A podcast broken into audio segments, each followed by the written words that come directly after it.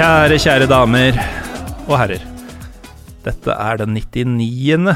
utgaven av deres favorittpodkast, Pyro og Pivo. Jeg heter Morten Galaasen. I dag har jeg bare med meg én gjest som aldri, aldri har vært med her før.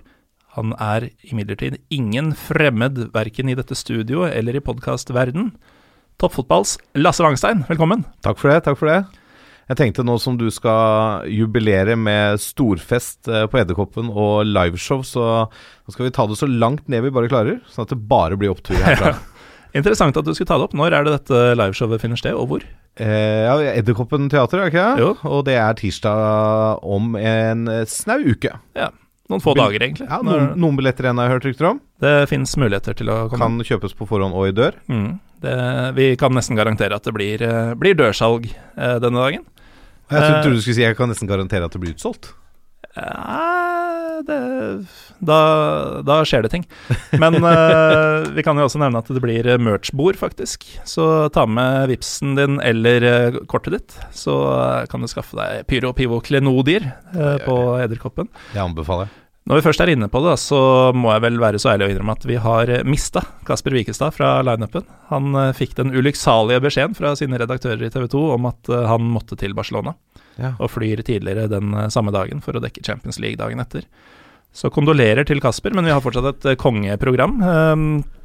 Vi har jo fått inn eh, Trond Andersen, blant annet, eh, i tillegg til den tidligere nevnte lista med gjester. Han eh, har jo faktisk 40 landskamper og en lang Premier League, eller engelsk proffkarriere bak seg, Lasse.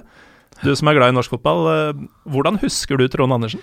Nei, jeg husker han vel som en eh, sånn eh, Ja, hva skal jeg si En litt sånn slitertype på én måte, men så hadde han jo noe ved seg som Altså, han var jo ikke, han var jo ikke bare en løpsmaskin. Eh, sånn som kanskje veldig mange norske fotballspillere var på 90-tallet. Mm. Og en fyr som heter Trond Andersen, bør jo egentlig være en løpsmaskin. Nei, det er for så vidt sant, men eh, han eh, Nei, han var, jeg, jeg, han var, jeg husker han som en ganske bra fotballspiller. Altså det, Men det er klart, eh, f- eh, 40 landskamper, og det var vel litt sånn i slutten av Drillo-epoken, eller egentlig Nils Johan Semb-epoken. Han eh, herja mest på landslaget tidlig 2000-tall, hvis jeg ikke husker feil. Ja, eh, Drillo henta han jo til eh, Wimbledon og Ja, Premier League feil. Ja, sommeren 99. Ja, nettopp. Så da var det jo i Semb-perioden han spilte landskampene sine. Men eh, Mm. nei, han var jo eh, Det er klart, når, når du klarer å få 40 landskamper, da, da er du en god fotballspiller, da. Og ikke minst så har han spilt flere år i det gode, gamle Wimbledon, så det blir fine skrøner, får vi håpe, fra Trond Andersen eh, denne dagen. Men eh, nå skal det jo handle litt om, eh, om deg, Lasse Wangstein. For de som ikke hører toppfotball regelmessig. Ja. de må jo skjerpe seg, for så vidt. Ja, det er, det- helt riktig. Ja. Hva, hva handler toppfotball om?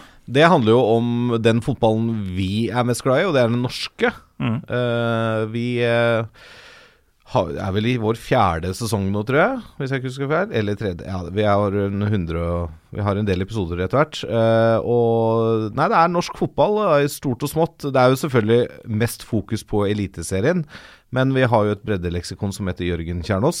Eh, Han er ganske gæren. han kan mye og ser mye fotball eh, nedover i systemene og kjenner til eh, obskure resultater, obskure spillere og hendelser. Eh, så han er helt fantastisk å ha med seg. Eh, så nei, det er norsk, norsk fotball i fokus. Eh, det skal være en link til norsk fotball hvis vi skal snakke om det. Hvis eh, toppfotball er nytt for deg, kjære lytter, så er kanskje denne ukas episode um, en, en myk overgang fra Pyro og Pivo.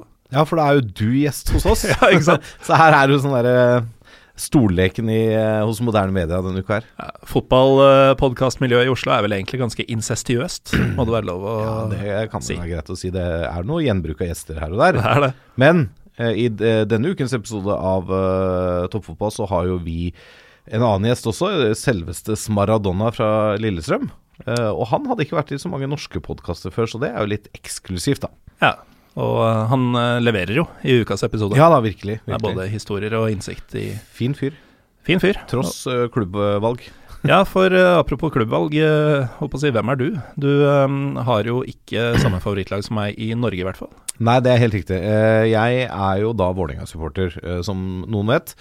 Jeg har vært det fra barnsben av. Litt tilfeldig, sånn med tanke på at jeg vokste opp eh, delvis i Ås i Akershus og delvis i Valdres. Åh, det er jo vann på mølla til Ja, ja. er Kjempe, kjempevann. Uh, historien bak, da, uh, kan jeg fortelle hvorfor jeg ble Vålerenga-supporter. Det er jo fordi at eh, på Altså, mine foreldre drev hotell, så jeg er sånn hotellunge. Uh, og da når du er liten, uh, lite barn som har foreldre som driver hotell, så hender det at du må vase rundt på hotellet i uh, arbeidstiden. Mm. Og eh, disse hotellene pleide å leie inn et band som heter Nordre Sving, til å spille opp til dans i salongen. Og det er jo for alle Vålerenga-supportere så er jo det et veldig Vålerenga-band. Eh, de har en del Vålerenga-sanger, de har en del sanger om Bislett. Eh, de er jo oppkalt etter Nordre Sving på Bislett. Så jeg hørte jo disse låtene og tenkte at det her må jeg jo finne ut av. Og da jeg flyttet fra Valdres igjen i eh, sånn midten av tenåra, så var det kjapp tur på Bislett, og da var det gjort. Hva gjorde et Bislett-band uh, titt og ofte i Valdres? Nei, altså Nordre Sving var jo et danseband-variant. Sånn klassisk høyfjellshotell-band, da. ikke sant? Ja, de Den hadde- sjangeren der, ja. Ja, det er den sjangeren der. ikke sant? De hadde De spilte mye coverlåter av uh, utenlandske klassikere, og, men så hadde de noen låter som var veldig sånn Vålerenga-låter, og så hadde de en del om skøyter og sånne ting. Så det var Mm. skøyter og fotball på, på de gutta der. Uh, og, så det var vel egentlig derfor. De var ganske populære på sånn tidlig 80-tall. Så du ble rett og slett injisert med Vålerenga i Valdres, Ja, faktisk. så, som så mange andre vil, Ja, ja, vil onde tunger hevde. Sånn, sånn er det jo. Men uh, du ble jo da etter hvert en ganske mm, holdt på å si, gira supporter.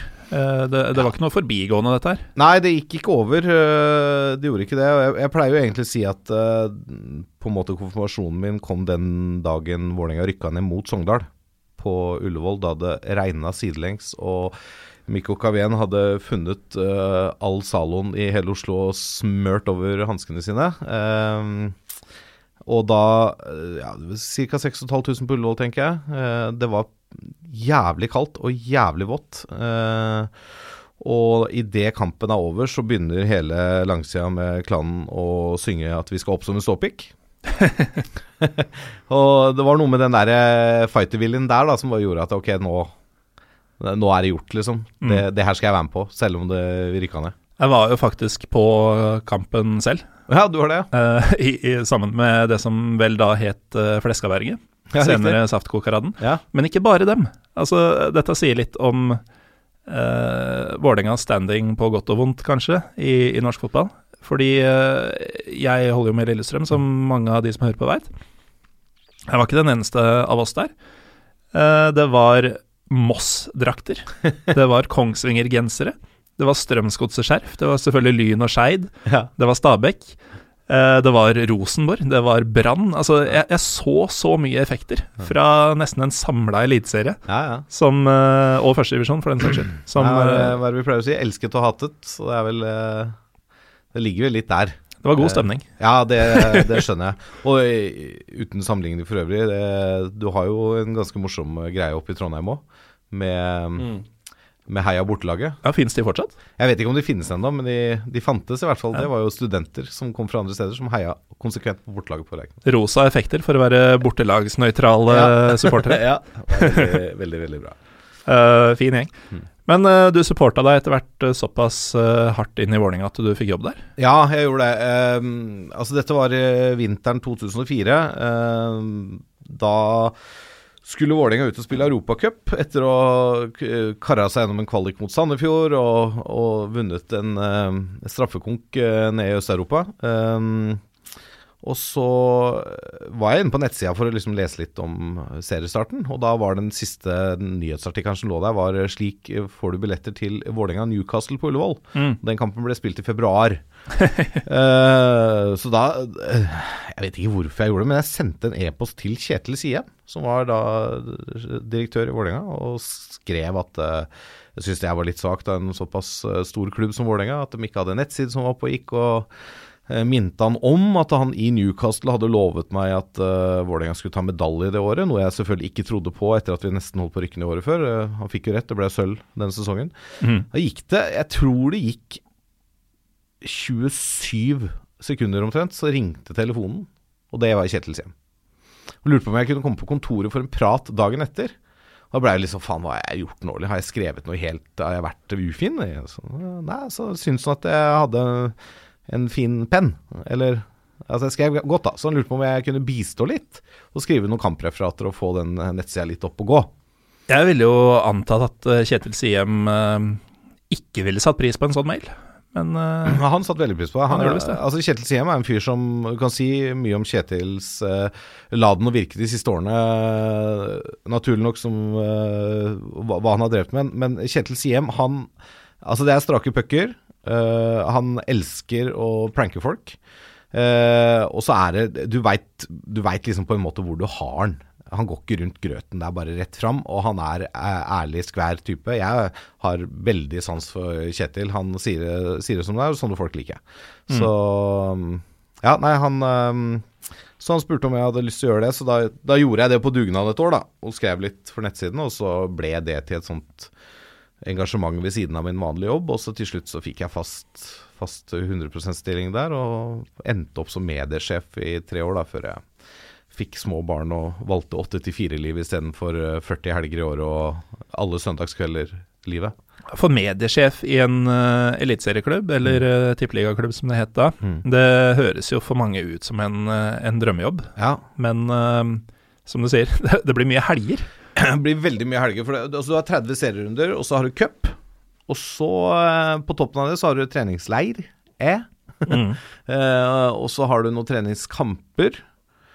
Plutselig skal uh, Vålerenga spille treningskamp borte mot Follo en tirsdagskveld i Ski på, med minus ti på et eller annet kunstgress der ute. ikke sant? Det er jo ikke kjempekompetabelt med familielivet, i hvert fall.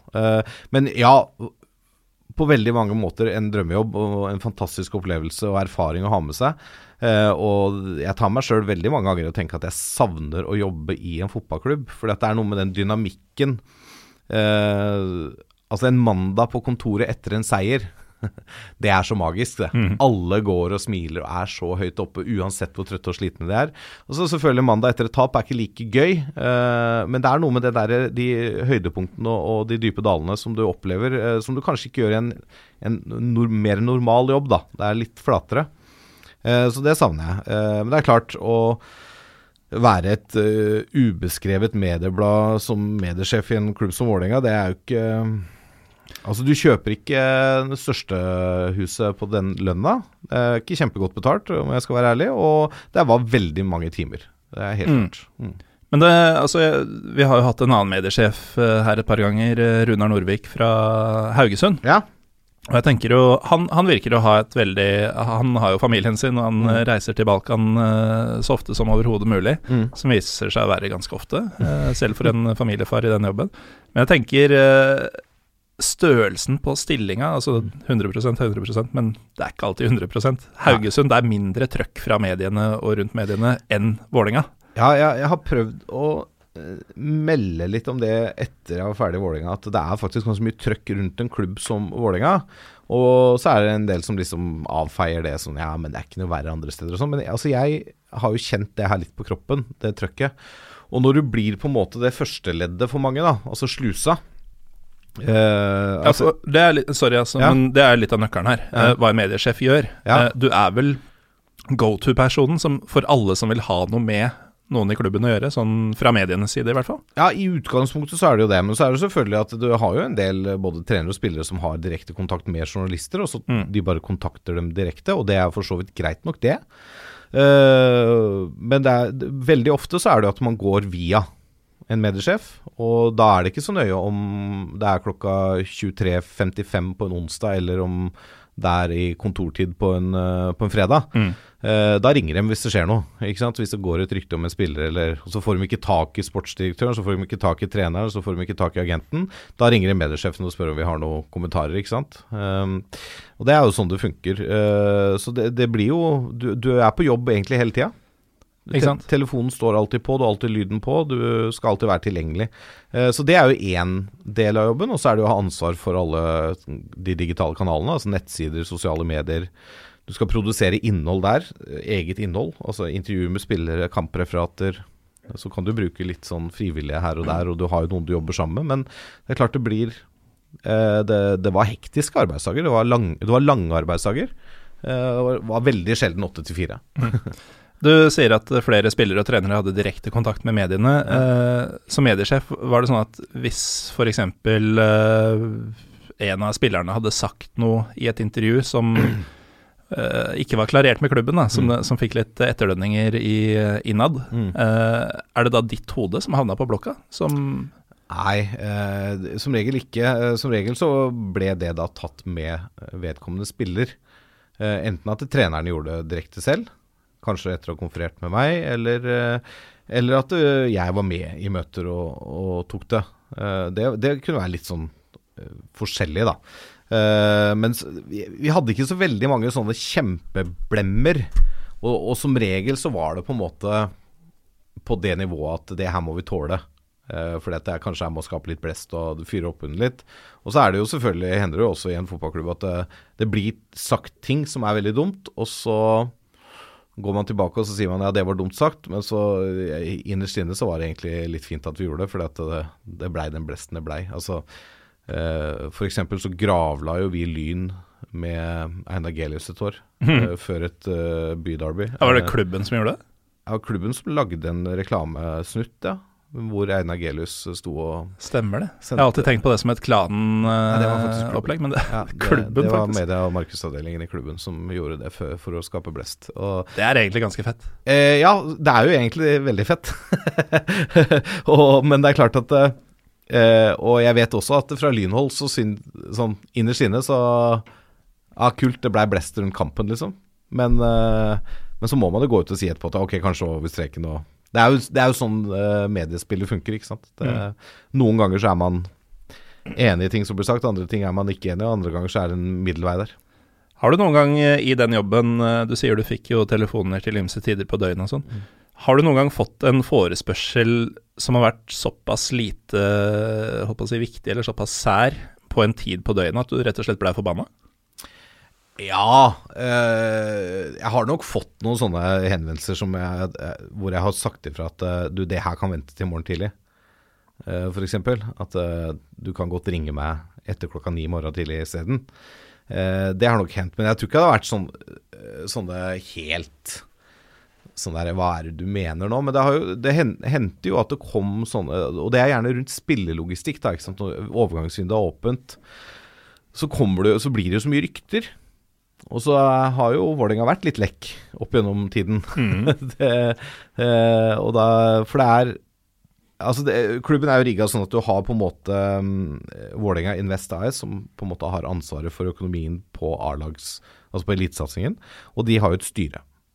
Og i det styret så sitter jo mennesker som gjerne skal vite hva som foregår. Og det hender, dessverre, at noen i det styret har, har behov for å være viktige. Og har behov for å snakke. Men det kan jo hende at de bare snakker med broren sin eller fetteren sin og forteller vet du hva, eller nå driver Vålerenga og skal signere den spilleren. Og så prater den fetteren til noen, som igjen da ringer journalistkompisen sin, og så er ballen rullende. ikke Ja. sant? Og da, så det blir jo mye Og det, det har vært tilfeller hvor overganger eh, enten har blitt dyrere eller har stranda fordi at ryktene har gått for tidlig. Fordi at er andre klubber har hivet seg på. Og det skjer jo begge veier. Altså Da Vålerenga henta Fegård og Gude, så satt jo han i Molde klar for å signere kontrakt. Jeg lurer på om Lillestrøm også trodde de skulle signere henne. Ja, han var vel på prøvespill der òg, men eh, akkurat da, da han ble signert, så ble han uh, bare Da ble det en kjapp telefon til agenten, og her, det ligger flybilletter til dere på Åre lufthavn. Uh, fly til Oslo. Han skal hit. Apropos Gude, jeg tror det var 2010. Mm. siste serierunde. Veit du hvor han befant seg den kvelden når siste serierunde var ferdigspilt? Nei. Kanarifansens årsfest. Ja. Like gjerne. Ja, ja. altså. Men jeg, Han var jo bestekompis med Nosai Igebor og Ja. Oja og hele gjengen, så, så sånn sett var det naturlig. Men de bodde vel sammen, litt, tror jeg. litt tankekraft, kanskje. Ja, ja, det er jo litt uh, noe spesielt. Det er er jo selvfølgelig helt enig i. Men det er klart, uh, han var nok ikke den som uh, bidro mest i det sosiale i spillergruppa, nei. Nei, eh, da Altså, det er mulig Jeg håper jeg ikke har injurerende kraft, Mm. men eh, det sies at han hadde ganske eh, mye med det sosiale livet hos enkelte kanari, kvinnelige kanarifans Å ja, eh, riktig. Ja, det vet jeg ingenting om. på den samme tiden. Ja, Så nettopp. han hadde jo sine grunner til å komme dit, men Ja, eh, igjen, det er tid og sted, kanskje. Og så må du Det som jeg tror er litt viktig å tenke på med Og det, nå er det veldig vanskelig å ikke generalisere, men det blir en slags generalisering allikevel. Det som er litt viktig å tenke på med spillere som kommer til Norge fra uh, den type kontinenter, da, uh, som Afrika. Eller fra Nigeria. Såkalt ikke-vestlige kontinenter? Ja, f.eks. Uh, det er jo at for de så betyr det dessverre forsvinnende lite hvordan den drakta ser ut, og hvordan den logoen på brystet ser ut. De skal ha lønna si, mm. og de skal ha et springbrett ut i verden til å spille fotball og tjene enda mer penger. Eh, og det Og så hadde jo tilfeldighetene det sånn at både Altså Nåsa var jo på prøvespill Han spilte vel til og med treningskamp for Vålerenga. Ja, han tror jeg Lillestrøm rett og slett bøffa. Ja, ikke sant? Og det er jo litt Kom og sånn kidnappa han etter en treningskamp eller noe Ja, ikke sant. Og det er jo nesten sånn som Vålerenga gjorde med Gude i Molde, ikke sant. Mm. For de reiser da til Europa, til Norge da kanskje, og har en agent som har gode kontakter i norske klubber, og blir egentlig solgt inn flere steder. Og så er det hvem, hvem er det til slutt som gir den beste pakka, ikke sant. Her får du spilletid, her får du så mye lønn, her får du så mye bonus, her får du to hjemreiser i året, her får du mm. én. Ikke sant? Det er mye sånne ting. Og da er det for de som gir Og da var det heldig for Fegor Fegård og Nåsa at uh, de havna i Vålerenga og Lillestrøm, sånn at de fortsatt kunne, de kunne bo sammen og ha et sosialt nettverk med kompiser. Mm. Eh, og da er det naturlig at man henger, henger sammen på fritida. Men tilbake til medie, mediesjefjobben. Mm. hva er den Jeg vet ikke om man husker sånt, men hva er den rareste forespørselen du har fått? Så du har plukka opp en telefon fra en journalist, og så har du bare fått uh, Ja, verken du eller jeg får bakoversveis, men du skjønner hvor jeg vil? Ja, jeg, jeg skjønner hvor du vil. Med bakoversveis er det noen år siden, det er helt riktig. Um, nei, jeg kommer ikke på noe sånn uh, umiddelbare, men det har sikkert vært noen sånne varianter av uh, noen sånne spill opp makerier eller eh, noe sånn derre Og helt sikkert også noe nakenhet inni bildet der, ikke sant, som har vært sånn derre Nei, det her tror jeg ikke vi eh, blir med på. Men så var vi også litt sånn at vi Det skulle være såpass at vi skulle by på sjøl, da. Mm. Og, men vi skulle ikke presse noen til å by på seg sjøl. Du presser ikke Morten Berre til å by på seg sjøl hvis han ikke vil. Uh, men uh, så har du noen spillere som syns det er helt greit å være med på litt forskjellige klovnerier, da. Mm. Morten Berre var et tilfeldig valgt eksempel her. Et tilfeldig valgt eksempel, for han, han kjennes jo av veldig mange som en litt sånn sær type som ikke er så veldig godt intervjuobjekt. Men hvis du kjenner han på privaten, så er Morten Berre Jeg ville nesten kalle han et fyrverkeri. Han, han er en øh, fantastisk type å ha i miljøet. Han, øh, han, har jævlig god humor, han har godt humør. Uh, han, uh, han er, var jo ledertype i Vålerenga. Uh, jeg jeg syns Morten er helt fantastisk, men uh, idet det kom et kamera eller en mikrofon eller en blokk, så var Morten litt mer mutt, da. Han var veldig ukomfortabel i intervjusettinger, mens andre er veldig komfortable i det. Det slo meg nå at når jeg begynte å tenke på elleville journalister og sånn, mm. på denne tida så jobba jo verdens mest tabloide mann i Norges mest tabloide kanal. Altså Morten Stokstad var TV 2-reporter. Ja, Han som nå er mediesjef i Lillestrøm? Ja. ja. Uh, Sleit du noe med han, eller? Nei, altså Jeg hadde et veldig godt forhold til Morten, eller til Stokken, jeg, altså. Uh, og egentlig følte jeg hadde et godt forhold til alle, alle journalister. Uh, alle visste jo hvem Morten var, og hvem han heide på. Og så er det klart at når du leser forum, så er jo folk indignerte fordi at eh, Morten Stokstad bare skal finne dritt om Vålerenga fordi han er Lillesund-supporter og sånne ting. Eh, og så gjorde jo hadde jo Morten en liten seanse i forbindelse med en cupfest, eh, som eh, selvfølgelig fyra det bålet enda mer. Når han sto der og sang LSK-sanger i mm. bar overkropp. Eh, så nei, altså Morten hadde jeg et veldig godt forhold til, og han var Altså, han har jo godt humør, og han, han, liker å kødde og le, og det var liksom aldri, aldri noe tull med han. Eh, men det er klart at du, du merker jo at enkelte journalister går gjerne den omveien for å få saken sin. Og der var Morten flink. Altså, det handler jo om at det, han er en dyktig journalist. Uh, men jeg, jeg, hadde aldri noe uoppgjort med Stokken. Altså. Han, uh, han, var ærlig og redelig med meg, og uh, jeg syns vi hadde et veldig godt og profesjonelt forhold, som jeg egentlig hadde med flere journalister. Men Det er klart det er Enkelte saker er kanskje mer betente, da, sånn som vi hadde jo en sånn liten overgangssaga der med en, eh, en viss islending og en viss nåværende Strømsgods uh, midtbanespiller. Ja. som Da var han på hugget? Da var han en av de mange som var på hugget. Da var det veldig mange på hugget. Per Angel Berntsen blant annet. For dette skjedde i din tid? ja, da var Det jeg må ha vært et helvete.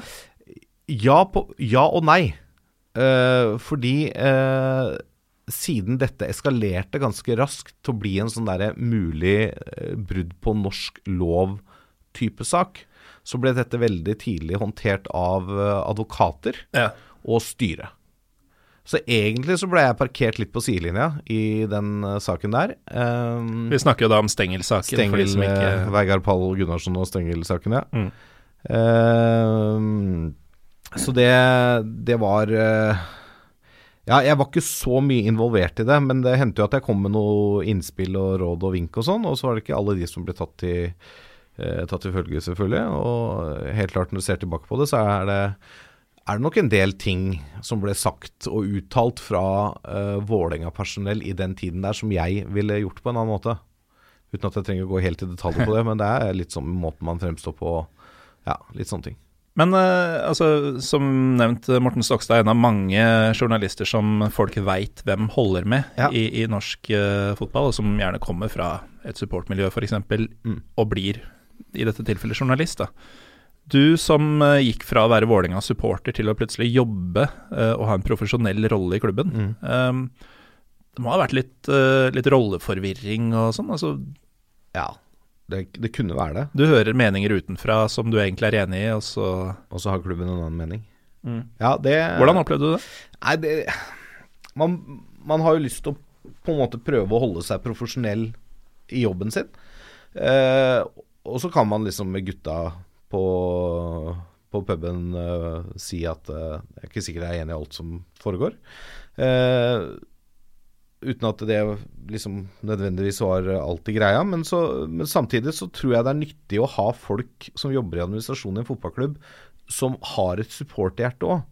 Sånn at de ikke bare har en jobb. Mm. For da kanskje du klarer å se enkelte saker fra et annet ståsted enn en fyr fra Skien som får en eh, lederstilling, da. At du ikke får det der pampeinntrykket. At uh, her Ja, det- sitter de oppe på kontoret der og er ute av touch med, Ja, det er, menigheten. lett, det er jo lett å få som klubb uansett, uh, hvis man distanserer seg litt. Og da kan man jo gjøre grep for å uh, unngå det verste, sånn som eh, at uh, på Lillestrøm så kanskje trenere og noen spillere dukker opp på Martins og snakker med supporterne, ikke sant. Mm. Uh, oi, der ja. Ja, det løsna den, ja. er løsna den. Uh, ja, nei, og, og, og den type ting. Og, og, selvfølgelig snakke med de som dukker opp.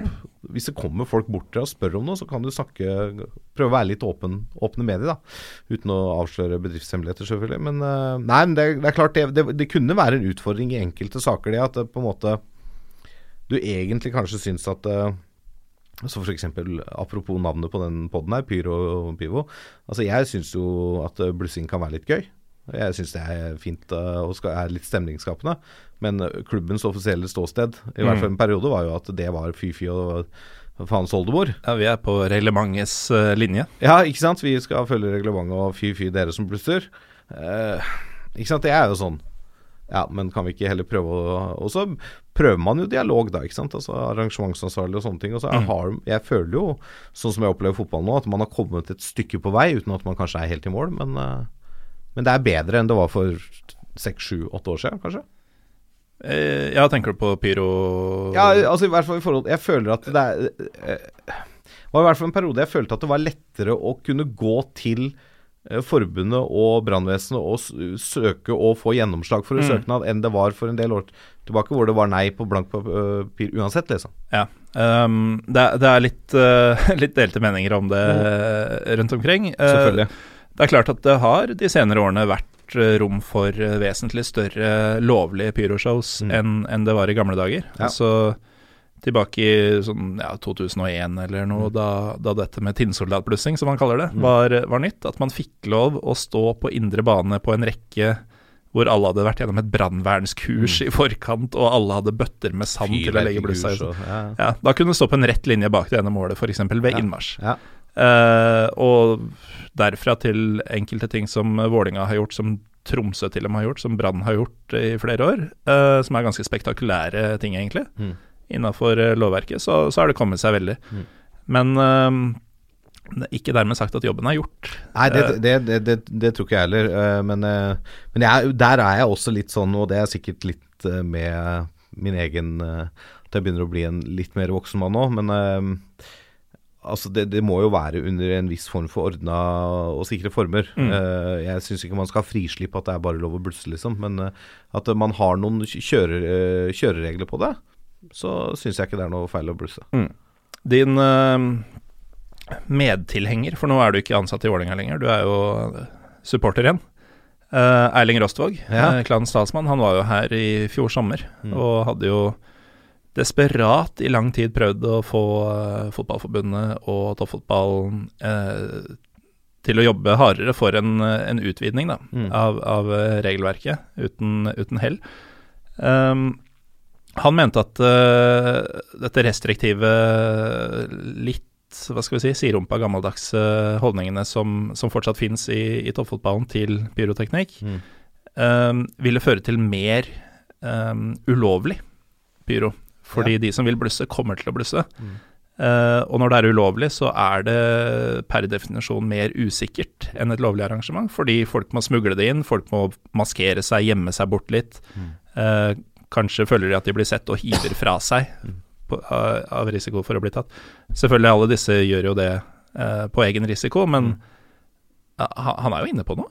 Ja, ja, og jeg er jo helt enig i, i den, den tankerekka. For det, jeg tror også det hadde vært mye tryggere hvis det var de, litt kjøreregler, da. Mm. Ikke sant? Altså, sånn gjør vi det. Vi bruker det på den måten, og vi gjør det på de områdene. Men ja, dere skal få lov å blusse, men det, ikke sant? Men, og så er det noe med det at når det er ulovlig, så skal man på en måte uh, Hva skal jeg si uh, Altså make a statement, da, ikke sant? Er, vi fyrer opp noe bluss da, bare for å vise at det er ikke så jævlig farlig, og det er fett å se på. Og TV-selskapene bruker bildene likevel, ikke sant. Ja. Altså, du har jo et eksempel, for, og det var jo ikke så lenge etter jeg slutta, så var det jo en sånn kickoff til eh, Tippeligaen, som det heter, på Ullevål, hvor da både Lillestrøm og Vålerenga og andre klubber hadde fått store bøter for bruk av bluss. Mm. Og fy, fy, fy, liksom. Og så begynner det showet, og de første bildene du ser, er jo at de bruker de blussbildene som klubbene har fått bøter av, for å promotere neste sesong. Ja, ikke sant. Da, det, da blir det jo helt feil. Og dette var jo et arrangement uh, som Fotballforbundet holdt sammen med rettighetshaver TV 2. Ikke sant? Og, og når Fotballforbundet blander seg inn der, så blir det en helt annen sak. Mm. Men da var jo på en måte unnskyldningen at det var TV 2 som uh, leverte Uh, på en måte den TV-pakka, da. Altså de TV-bildene, og de uh, henta det fra sine arkiver. Det er litt som splitting av NSB og Bane Nor. Ja, At eh, ja, toget går ikke, men det er deres skyld. Men det er deres skyld i stedet, fordi Ja, Og så har du en tenniskamp gående der, og så er det ingen som får svaret de ønsker, og alle kan gjøre som de vil. Det er akkurat det. Um, men uh, tilbake til uh, Til dette med mediene, da, som, Mm. som vi stadig kommer tilbake til i dag. Og vi hadde jo egentlig en klar plan for hva vi skulle snakke om, eh, Lasse. uh, det, å, det, det skulle rett og slett bli en samtale med Lasse Wangstein. Ja, ja. uh, og det er det jo, men uh, en rød tråd er jo at vi stadig kommer tilbake til media. Mm. Og igjen, da, som mediesjef i en av de største medieklubbene, i hvert fall i Norge. Mm. En av de største klubbene også, må vi jo egentlig si. Um, opplevde du noe særlig eh, vi, vi var litt inne på det at du var en fan som nå ikke kunne si alt du ville lenger, Mm. og som måtte moderere deg og, og være på linje med det folk fortalte deg at du skulle mene. Um, opplevde du urimelighet fra fans i, i kjølvannet av det? Nei. Sånn, hva skjedde med deg? Ja, altså det, det var vel ett eh, Det var jo ett tilfelle um, på Ullevål, tror jeg det var, hvor um, Ja, det var jo på Ullevål fordi vi hadde hjemmebane der. Var, da var det Jeg mener å huske at det var noe sånn mm, tilløp til noe bråk, og det var, er mulig at det var noe blussing inne inne i bildet også. Uh, nei, ja, jeg tror det var bråk, faktisk. Altså, det var noe sånn uh, at folk uh, drev og yppa til bråk, og det var litt sånn halvhuliganisme. Og da var, jeg, da var det jeg som skulle uttale meg på vegne av klubben, og, og, var ganske tydelig på at det her syns vi ikke noe om. Uh, og da klarte jeg å bruke formuleringen 'disse såkalte supporterne'. Den, uh, den blir de ikke noe glad for. Det, det, det skulle jeg aldri sagt. Uh, Hva skjedde? Nei, altså da, da um, Det er vel Det er vel eneste gangen jeg har blitt trua med, med fysisk uh, avstraffelse i, i forbindelse med jobben i, i Vålerenga. Eh, jeg husker ikke om det gikk så langt at det ble trusler på eh, min eksistens, men eh, jeg ble i hvert fall trua med at eh, jeg burde se meg litt over skuldra Mm. i eh, og uoverskuelig fremtid, da. Og det var jo eh, det var jo et dårlig valg av ord, men det var et grep for å distansere oss fra den type kultur, da. Altså den slåss, slåssekulturen. Ja, kanskje skjerme vanlige supportere fra Ja, den ja, og, ja, og det var jo også et, eh, et grep for det, fordi eh, det er veldig lett når det kommer sånn Vålerenga-supportere i bråk, eller Lillesund-supportere i bråk. Mm. Da, altså da, Når jeg da er i familieselskap neste gang, så er det sånn Ja, men faen, de er jævla Vålerenga-supporterne, det er bare bråk med dem. Ja, det er en liten gruppe på 20 mennesker som liker å gå ut på en parkeringsplass og denge løs på hverandre, liksom. Det er ikke alle sammen. Mm. Og det, det, så det er liksom sånne grep man gjør for å distansere det litt fra de andre, og fra klubben. Og så var sikkert ordvalget feil, da, siden jeg brukte ordet 'såkalte', men det, var- det var det de hang seg opp i. At jeg sa 'såkalte supportere'. Og det, det blei litt hett. Men det var en eh, Altså, det var du ikke aleine om eh, på den tida. Jeg husker i Lillestrøm-miljøet også. Så var det en del hendelser i 2008-2009 som, som splitta supportmiljøet veldig. Eh, og da var det veldig vanlig å, å kjøre på med den eh, det narrativet, om du vil. At eh, disse casualsa, de som slåss, egentlig ikke bryr seg om fotballen. De bryr seg egentlig ikke om klubben. Eh, og det er jo en helt håpløs generalisering. Ja, ja. For det er ikke sånn at du velger om du skal like fotball eller slåssing. Nei. Det, det tiltrekker seg helt sikkert folk som har et uh, lemfeldig forhold til laget og fotballen. Ja, ja. Det er klart. Åpenbart. Men Og- eh, det er også folk med klubbtatoveringer fra ti år før de begynte med dette her. Ja, så ble det en generalisering andre veien nå, da, fra den, uh, den casuals-gjengen. Så, altså Hvis du gikk med supportereffekter, så var det et juletre, ikke sant? Altså det er, så det, det er, Ja, det var tider, altså. Ja, det var tider. Det var enten eller. det, liksom, ja, det var liksom ikke noe midt imellom at du kunne på en måte være Vålerenga-supporter og stå med vanlige klær og heie på klubben din, og, for da var du en casual. Og hvis du hadde på deg et skjerf, så var det et jævla juletre. og Kaffedrikkende juletre som var mest opptatt av å snakke med sidemannen enn å synge, ikke sant? Ja, og at barna skulle få plass. Ja, ikke sant. Eh, så det, nei, det, det er, var jo de, de situasjonene der var jo litt sånn betente, da, hvis vi kan kalle det det. Mm. Eh, men eh, de som ble påvirka mest av det, var jo de som hadde ansvar for arrangement og sikkerhet på kampene. Ja. Eh, Det var også tilfellet i Lillestrøm, Mm. for øvrig. Så Det det ikke- virker å ha vært en trend i de Ja, jeg tror det var litt sånn det var. Det var de som følte det mest på kroppen. Men det er klart, akkurat i den situasjonen der hvor jeg Jeg tror, jeg tror det var Brann vi møtte, og jeg tror det var noe bråk utafor billettslusene på Ullevål der. Altså akkurat når du kommer opp fra T-banen. Det var et eller annet sånt. eh. Men jeg husker ikke kampen. Men eh, da, da var det jeg kom med den uttalelsen, altså. Da var det Ja, det var litt ubehagelig, rett og slett. Apropos hooligan, eller casuals og, og medieblemmer. Mm. Eh, jeg var jo i Bergen eh, med Kanarifansen i, i høst, Ja. eh, og da dette Mind the Gap-banneret kom opp. Ja, ja, ja. Uh, og da skulle jo, jeg skulle jo overnatte en natt til på hotellet i Bergen. Jeg var der av en annen grunn i utgangspunktet, men det fikk det til å klaffe med samme helg. Mm. Uh, så jeg skulle overnatte en natt til før jeg dro hjem, og skulle da ta Bybanen tilbake. Og tar da følge med en eh, som er mer aktiv i en av ultrasgruppene i Lillestrøm, til Bybanen. Og han hadde så noia. ja. Fordi han hadde da, eh, jeg siterer, hørt at TGB, eh, som da er Branns Ja, ja. sånn type gjeng, var på jakt i, i kjølvannet av det banneret. ja, riktig. Og så jo da seg sjøl som et mulig mål, selv om han ikke hadde på seg noe gult og svart, men kanskje mer på grunn av det. Ja, ikke sant. Um, ingenting skjedde, selvfølgelig. Eh, det, vi dro til og med før kampslutt for, for at han eh, var Nei, det gjorde vi ikke, men vi dro umiddelbart etter, i stedet for å takke spillerne. Ja. Eh, sånn var det, selvfølgelig. Ja, for dere skjønte på tribunen at det her blir ikke bra. Vi skjønte før. Ja. Eh, og jeg trodde at det var konsensus da jeg snakka med folk i pausen og sånn, om at det, det her dropper vi. Mm. Eh, og så går jeg og pisser, og så kommer jeg opp og ser at nå holder de det faen meg opp. Ja. Og ja, grei, uh, grei facepalm på, på den tida. Da var det bare å glede seg til deg som, Og ikke minst å komme på jobb dagen etter. da. Ja, ja. Og deg som Lillestrøm-supporter, da, hvordan følte du dette ble håndtert av eh, ledelsen i, i Kanarifansen uh, kommunikativt i etterkant? Umiddelbart noe av det svakere jeg har sett av en supportergruppe. Hvor de lata som de ikke visste hvem som sto bak, og, Ja. og sånn. Så viste det seg at det var han som uttalte seg, som sto bak. uh, men så tok jo heldigvis eh, styret i Kanarifansen affære Ja. uh, så fort de fikk muligheten. Og de ansvarlige eh, gikk mer eller mindre frivillig av. Ja. Uh, og supporterklubben tok da selvfølgelig fullstendig avstand fra dette.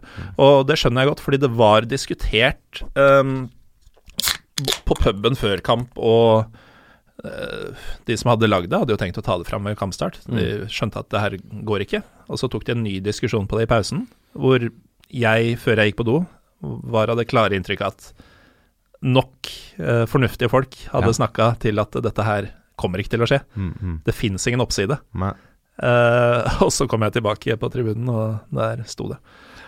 Um, Fotballsupportere, altså.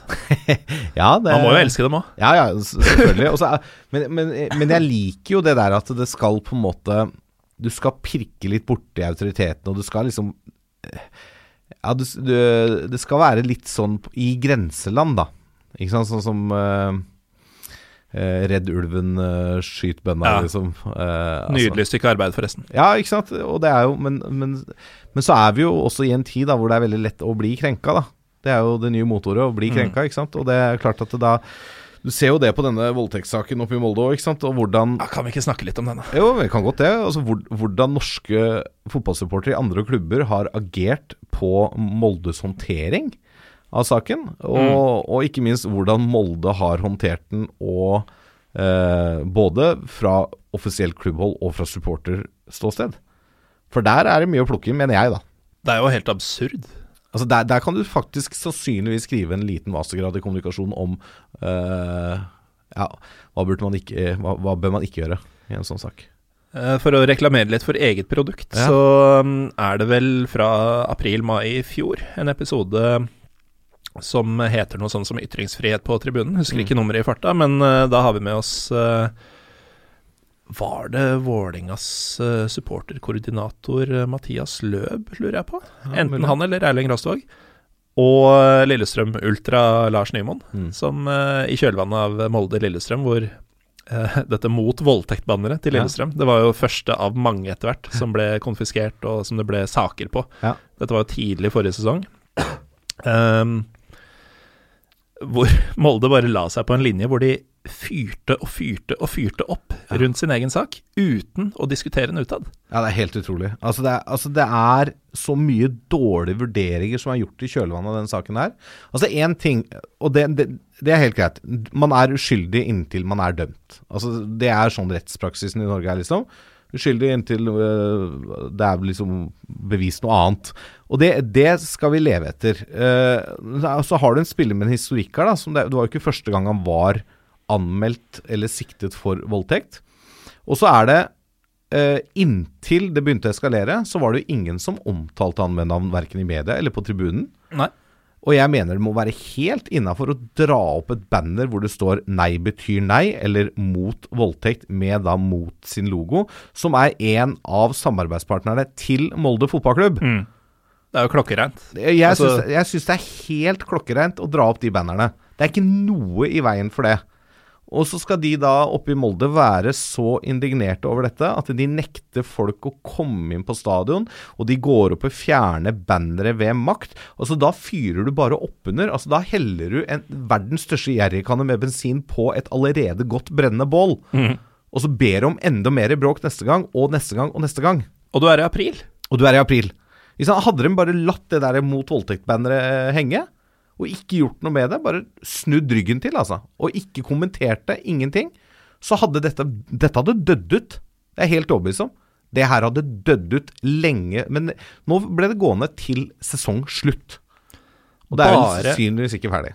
Bare i Molde, og bare i 2018, kan et banner hvor det faktisk står ikke noe mer enn 'mot voldtekt', bli fjerna fordi det virker krenkende. Ja, det er, he det er helt krenk... Altså, det er jo krenkorama i Molde. Og det er et mannsdominert miljø, må vi jo si, da, support, Ja, ja. fotballsupportere, som også henger det opp. De burde jo blitt berømma for det. Jeg er helt enig. jeg er helt enig Og nei betyr nei. Det er ikke så jævlig Må jo få- lov å skrive det òg. For øvrig et Amnesty-slagord. Jeg tror det er Amnesty Ja, som, ja. som har en kampanje mot voldtekt, Ja, ikke som, som heter det. Altså, det er Og da Og så legger Molde seg på den linja at det er det Altså, VG har prøvd å få tak i eh, administrerende direktør og mediesjef, og får, de tar ikke telefonen, eller de vil ikke uttale seg, eller liksom De gjør seg utilgjengelige, da. Eh, Istedenfor å bare ta og fortelle hva er, hva er tanken bak disse valgene? Hvorfor fjerner dere helt harmløse bannere som folk ikke ville omtrent heva et øyebryn for å se på? Hvis ikke det var fordi at dere river det ut av hendene på dem. Det er altså Det er bare å gratulere. Ja. Det er imponerende stykke arbeid. Dette var jo den første av mange hendelser med bortesupporteres eh, uttrykksfrihet. Mm. Ytringsfrihet, heter det. Ja. I, eh, I Molde den sesongen. Mm. Spoler vi fram til sesongslutt, så blir det jaggu norgesmester i arrangement, ifølge Fotballforbundet. Og det også er jo helt Altså, det, det, jeg, jeg skjønner ikke hvordan det er mulig. Altså, unnskyld meg, altså. Det kommer sikkert til å tråkke noen på tæra oppe på forbundet eller andre steder. Men hvordan i helvete kan en klubb som behandler mot, altså bortesupporterne på den måten, bli årets arrangementsklubb? Det er for meg helt uforståelig. Du fjerner uskyldige bannere med makt. Du nekter folk adgang på stadion fordi de har med seg uskyldige bannere. Og du, du Altså, den oppførselen som jeg har lest om, har jo vært helt hårreisende. Altså fra vakter og politifolk og gud veit hva der oppe. Jeg, jeg fatter ikke åssen det er mulig at de eh, kom på den topp tre-lista, er én ting. Og at de vinner, er jo helt sjukt. Nå um, har jo folk som har fulgt Pyro Pio en stund, skjønt at dette ikke er den offisielle Molde-podden. Uh, men jeg, jeg kan jo si at dette ligger jo dypt forankra i uh, stadionet der. Fordi uh, da jeg begynte å dra på langturer uh, som supporter, da var jeg 15 år gammel. Jeg var uh, på Lerkendal, det var den første. uh, 1999. Og seinere samme sesong så var jeg to ganger i Molde. Mm. Uh, så to av de tre første turene mine noensinne, uh, langturer, var til Molde. Cup og serie henholdsvis. Og det var da et vaktkorps i 1999 Mm. som var så ubehagelige og eh, mistenkeliggjørende, hvis det er et ord. Altså, Vi kommer dit som 15 år gamle gutter, har på oss drakt. altså Vi er juletrær. Dette er litt før det dukka opp noe særlig annerledes kulturer, da. Ja, ja. Men, men uh, disse skolegutta fra, fra 9. klasse på Fjellhamar, liksom, det, med drakt med navn på og sånn, Ja. det er ikke de du nødvendigvis skal visitere hardest og være Ehm, Og da var det spesielt en som vi syns ligna på Dan Eggen av vaktene der, som eh, gjorde seg gjeldende utover kampen begge gangene også. Oh, ja. Med sånne innblanding i ting som skjedde på tribunen og Ja, sånn. Det. Det, det gjorde seg Altså, det skapte et inntrykk da, som fortsatt sitter i hos meg, i hvert fall 20 år etterpå. Og så er det jo en grunn til det. Mm. Ser man jo i 2018 i hvert fall, for å se Ja. hva som skjer i år. Ja, nei, men altså, det er jo klart at det er jo, er jo en, en del klubber der ute som har litt å gå på når det gjelder det å håndtere eh, litt lydhøre supportergrupperinger, da. Mm. Eh, altså, det har vel, vel vært noen historier fra Sandefjord i år også. Eh, Ja, på en oppførsel eh, der nede. eh, blant- Fra egne supportere. Eller i år, i fjor, da. Ja, ja det, også. Så det er eh, Og det her handler jo om da mangel på enten eh, dialog eller mangel på forståelse. Mm. Veldig mye det siste, tror jeg. Ja, det, det tror jeg også. For jeg vet i hvert fall hvordan Vålerenga arbeida med klubber vi skulle besøke. Og selv klubben var jo i bildet der og snakka med motstanderklubben og motstandernes lokale politikorps, Mm. motstandernes lokale sikkerhetsavdeling. Og liksom Ja, de, er sånn og sånn, og de er litt De oppfører seg sånn og sånn, men de er, det er snille gutter og jenter, liksom. Ja. De kommer til å ha litt sånn yppende kroppsspråk underveis. Ja, de kommer til å synge dette og dette og si dette og dette og virke aggressive. De er litt utagerende, liksom. ja. Og det blir med det, med Og noen er sannsynligvis fulle også, men det er sånn er det, liksom. Mm. Uh, og det, går som regel jævlig greit uansett hvor du reiser, men så er det noen steder som skiller seg ut, hvor du har én eller flere sånne småcowboyer som har fått på seg en eller annen gul vest og fått en propp i øret og en liten walkietalkie-belte, liksom, og er helt uh, sheriff, ikke sant. Og da Det går så gærent, det. Mm. For det Ja, nei, det Og der er jo Molde et uh, kremeksempel på hvordan du ikke skal gjøre det. Ja, um, litt noen år tilbake i tid også. Nå har jeg ikke vært i Stavanger på en stund, Uh, men um, sikkerhetssjef Gisle var notorisk i, i supportmiljøet på tvers av Norge Ja. i, i mange år for å være en såkalt eh, cowboy i refleksvest. Ja, ikke? Det, det var et regime som Eh, de aller færreste klubber vil, uh, med, med, litt følge, da, Ja. uh, vil tilråde. Men nå er vi jo inne på tilskuere, Ja. og hvis vi skal vinkle det litt tilbake til mediene igjen um, Tilskuertall og publikumsinteresse for norsk fotball, Mm. det er jo noe vi begge brenner litt for. I en verden hvor plastfotballen fra England og Champions League er altfor tilgjengelig på 76 tommers TV-er med ultra-HD osv. Ja. Eh, hva Nå nærmer vi oss seriestart. Eh, har ikke sett noe sånn veldig imponerende salg av sesongkort, eh, bortsett fra i Fredrikstad, egentlig. Nei. Eh, men i Eliteserien så virker det som å, å gå sin gang, da, Mm. litt som det har gjort eh, en stund. Um, hvilken rolle spiller mediene i, i dette her, hva, hva kan de gjøre for Altså- at folk skal bry seg igjen? Altså, mediene spiller en mye større rolle enn eh, folk tror, uh, mener jeg. Fordi uh, får du oppmerksomhet rundt produktet, så vil folk ha det fremst i barken. Og tenke ja, kanskje jeg skal gå og se den kampen, da. Ikke sant? Og jeg, jeg har jo den oppfatningen at hvis og jeg, så jeg, jeg syns jo sånne stunt som noen klubber av og til gjør med at eh, ok, i dag så deler vi ut eh, 1000 billetter til lokale breddeklubber gratis, så de kan komme og se kamp. Hvis du får fem av de til å kjøpe sesongkort neste sesong, så er det, det stuntet ganske vellykka. Mm.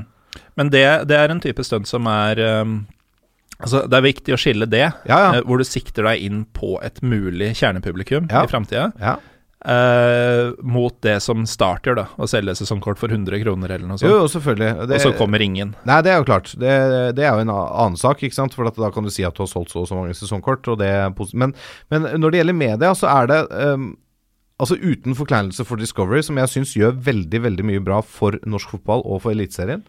Uh, og de har nettsiden sin hvor de har nyheter og sånne ting. Men TV 2, da de hadde rettighetene, så eh, Og det ser man jo på måten de omtaler Premier League på nå, fordi at de har rettighetene. De har nyhetskanal, de har sportskanal, de har nyhetssendinger flere ganger om dagen. Mm. Hvor de kan pese, altså bare pøse ut informasjon om den neste kampen, og, og gjøre build-up til kamper. Og det, ja, det er jo for å få flere til å se på TV. Men det vil også generere at folk drar på stadion.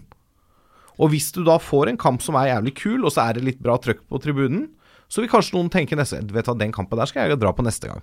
Og så får du flere tilskuere. Altså, dette er jo ikke gjort over natta å få fylt tribunen igjen. Men du kan tømme en tribune ganske fort. Mm. Men å fylle en tribune igjen, det tar tid. Og da, da trenger du uh, Du trenger den medieoppmerksomheten du kan få. Uh, og så er det ikke sånn at alt må være positivt heller. Eh, men det er heller ikke sånn at all PR er god PR for fotballen.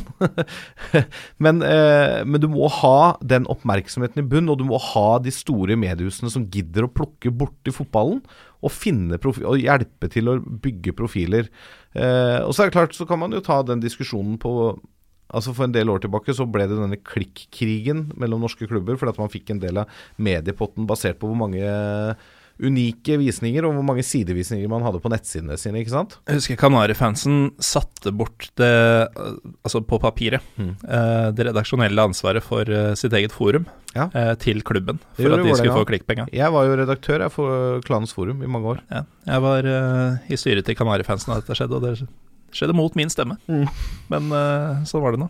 Ja, og det var jo en uh, fyr oppe i Trøndelag som uh, lagde en sånn derre Ja, en sånn eh, IT-løsning som uh, refresha RBK-sida uh, hvert tredje sekund. Fra forskjellige IP-er og Ja, Ja. Så det, kjempe, det var jo kjempesuksess. Ja, det Nei, men, kunne eh, ikke gå gærent. Men da, da skulle liksom alle klubbene ha medieavdelinger, og så skulle de lage eget innhold. ikke sant? Så skulle være først ute med nyhetene og sånne ting. Og sånn i ettertid så er jeg ikke helt sikker på om Altså Når Vålerenga signerer en ny spiller, om det alltid er så lurt at den bare ligger på vifotball.no først. Mm. Kanskje man skal gjøre en avtale da med VG og si du vet hva, nå skal vi hente den spilleren her. Den saken får dere eksklusivt på forsiden, enten på avisen deres eller på nettet, eh, med sperrefrist. Dere får legge den ut til det tidspunktet. Og så legger vi ut saken vår rett i etterkant. Da får dere nyhetssaken først. Mm. Da får du mer oppmerksomhet, tror jeg, enn at alt må på nettsiden til klubben først. da. Eh, gjøre litt sånne avtaler kan uh, lønne seg for å få litt mer oppmerksomhet. Um, men det er det å få såpass god dialog mellom klubber og mediehusene at eh, å ha, ha såpass interessante historier, da. At, at de velger å skrive om det. Altså, selvfølgelig i et land som Norge så er jo Altså nå i mars, som det, det nærmer seg seriestart, akkurat ferdig med et alpin-VM, og så har vi hatt et ski-VM hvor vi har uh, tatt uh, rent bord, og så kommer det et skiskytter-VM i Østersund nå til helga. Og dette er idretter som nordmenn bryr seg om.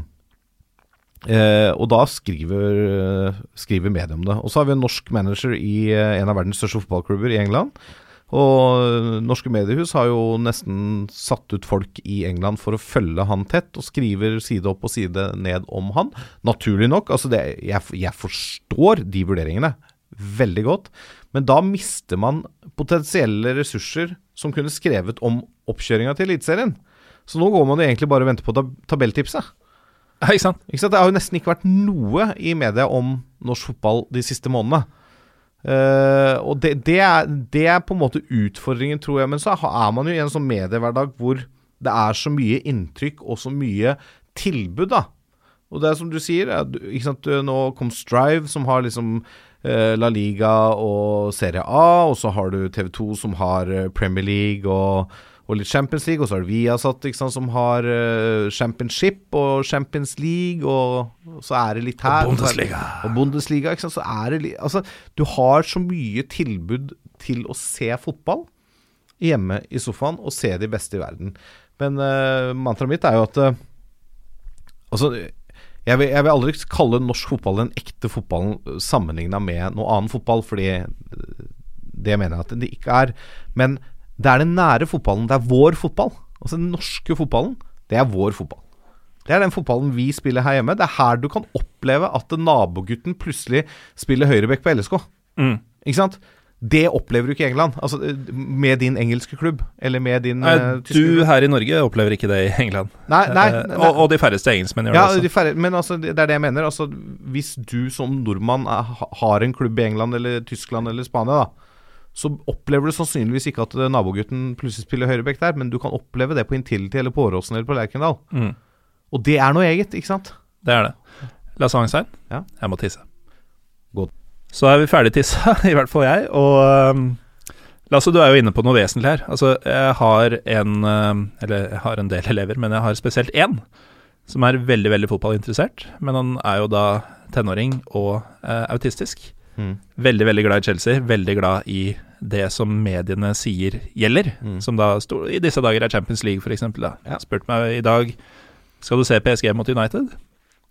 Det har jeg ingen intensjoner om, fordi den kampen er både avgjort og i utgangspunktet litt uinteressant for meg. Mm. Uh, og da får jeg gjerne sånn svar, for, fordi jeg da litt flåsete sier tilbake at men jeg skal se Union Berlin uh, på fredag, f.eks. Og da får jeg alltid det samme svaret og spesielt i norsk fotballsesong, da, når jeg snakker om Lillestrøm. Hvorfor liker du sånn dårlig fotball? Ja, uh, og her har jo du egentlig holdt en tordentale for nettopp denne såkalt dårlige fotballen. Ja, ja jo da, det, altså, men jeg, jeg, jeg, skjønner jo hvor sånne kommer fra òg. Uh, eh, altså, jeg uh, Altså, jeg likte jo Liverpool før jeg likte Vålerenga. Liverpool er mitt første fotballminne. Jeg likte United før jeg likte Lillestrøm. Ikke sant? Det, så du må jo begynne et sted. Altså Fotballinteressen må jo begynne seg. Mm. Og Det er sannsynligvis fordi at jeg da i en alder av fem år eller noe sånt så en eller annen tippekamp med Liverpool, og så vant de, og så var, hadde de fine drakter, og så ei, kjører. ikke sant? Det er, det er, jo sånne banale, enkle ting som ja. kanskje gjør at man blir interessert. Altså Jeg har en, jeg har en nevø som hvis far også er Liverpool-supporter, øh, og Adrian, da, som heter, han, uh, han var jo da også selvfølgelig Liverpool-supporter og hadde Torres-drakt og alt var uh, stas. Gikk, uh, men han var da Han var sannsynligvis mer supporter av Torres enn av Liverpool, ikke sant? Så gikk Torres til Chelsea. Og så flytta de til London og bodde i et område som heter Cobham, som er rett ved treningssenteret til Chelsea. Sjanseløs, han han er eh, Chelsea-supporter i dag, til sin fars store fortvilelse. ikke sant?